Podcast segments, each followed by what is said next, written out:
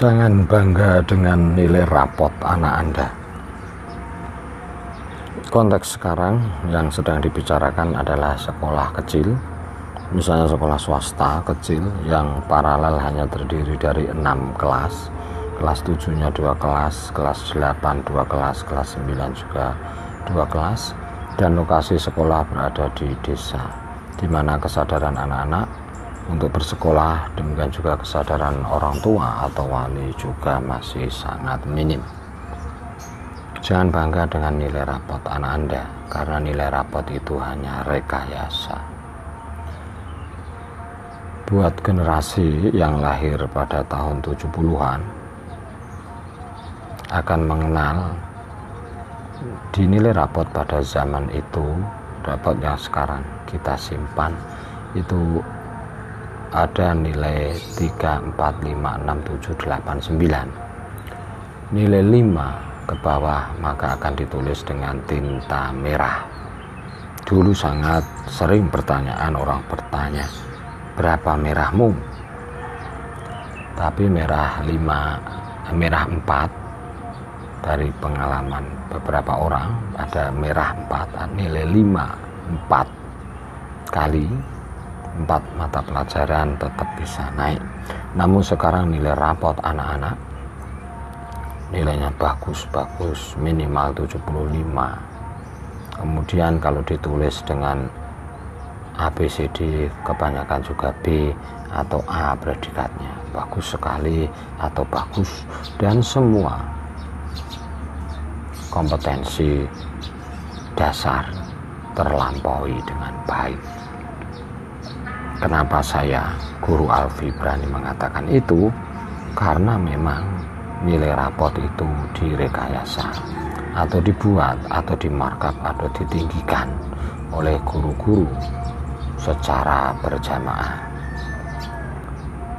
Tahap pertama peninggian ini atau penambahan nilai ini adalah dengan penentuan KKM kriteria ketuntasan minimal jadi setiap mata pelajaran ada batas nilai yang harus menjadi pedoman atau patokan. Misalnya nilai bahasa Inggris ditentukan KKM-nya 75. Penentuan ini berdasar apa?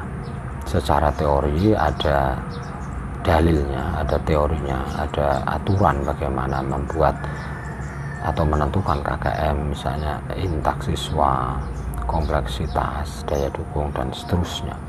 Namun, saya memberitahu kepada Anda bahwa nilai KKM ditentukan karena gengsi. Karena di sekolah-sekolah lain nilai KKM-nya itu tinggi. Jadi misalnya di sekolah saya, nama saya Pak Alfi, di sekolah saya SMP swasta di desa itu lulusannya kalau jujur diuji secara benar dan objektif tidak mungkin mendapat nilai murni 60 nilai ujian nasionalnya kalau misalnya ada paling-paling 40 atau 50 tetapi KKM kriteria ketuntasan minimal atau nilai paling rendah yang akan ditulis di rapot itu 75 kenapa? karena di sekolah-sekolah lain nilai KKM-nya memang lebih tinggi bahkan ada yang 80 apa gunanya nilai KKM tinggi supaya lulusan dari sekolah tersebut rapotnya memang bagus. Rapot itu juga dibuat sebagai acuan, salah satu acuan untuk membuat rata-rata di ijazah dan nilai-nilai lainnya. Sehingga sebenarnya ini untuk memikirkan nasib lulusan. Dia bisa dengan mudah atau mempunyai peluang besar diterima di sekolah lanjutannya, misalnya di SMA, SMK, dan sebagainya. Yang kedua, peningkatan nilai KKM juga berhubungan dengan akreditasi sekolah tersebut atau secara umum mutu sekolah tersebut dalam penilaian.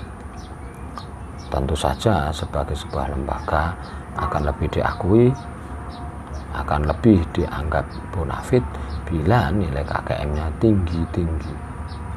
Untuk guru-guru yang idealis ketika misalnya menentukan nilai KKM, guru bahasa Arab misalnya, atau guru matematika yang idealis dan jujur sebenarnya mereka keberatan menaikkan nilai KKM itu karena bagi mereka anak didik mereka mendapat nilai 65, 65 atau 6 setengah yang secara jujur saja mereka sudah sangat bersyukur dan anak-anak itu sudah juara tetapi apa daya karena keinginan lembaga, keinginan institusi, keinginan kepala sekolah atau suara mayoritas guru di situ menginginkan KKM dinaikkan, maka dia terpaksa menaikkan.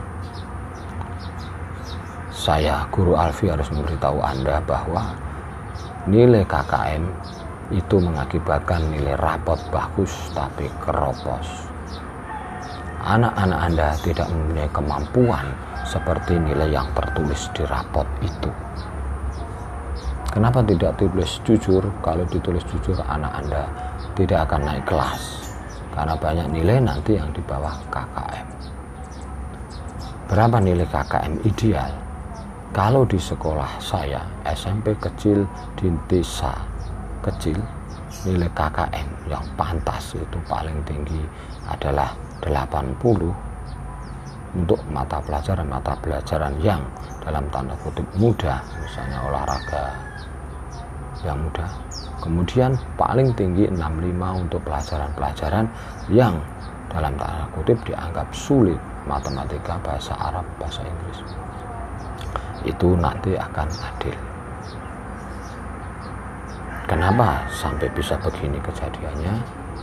Tetap ada hubungannya dengan kebijakan, perintah langsung tidak langsung, eksplisit, implisit dari atas dari pejabat-pejabat di pusat.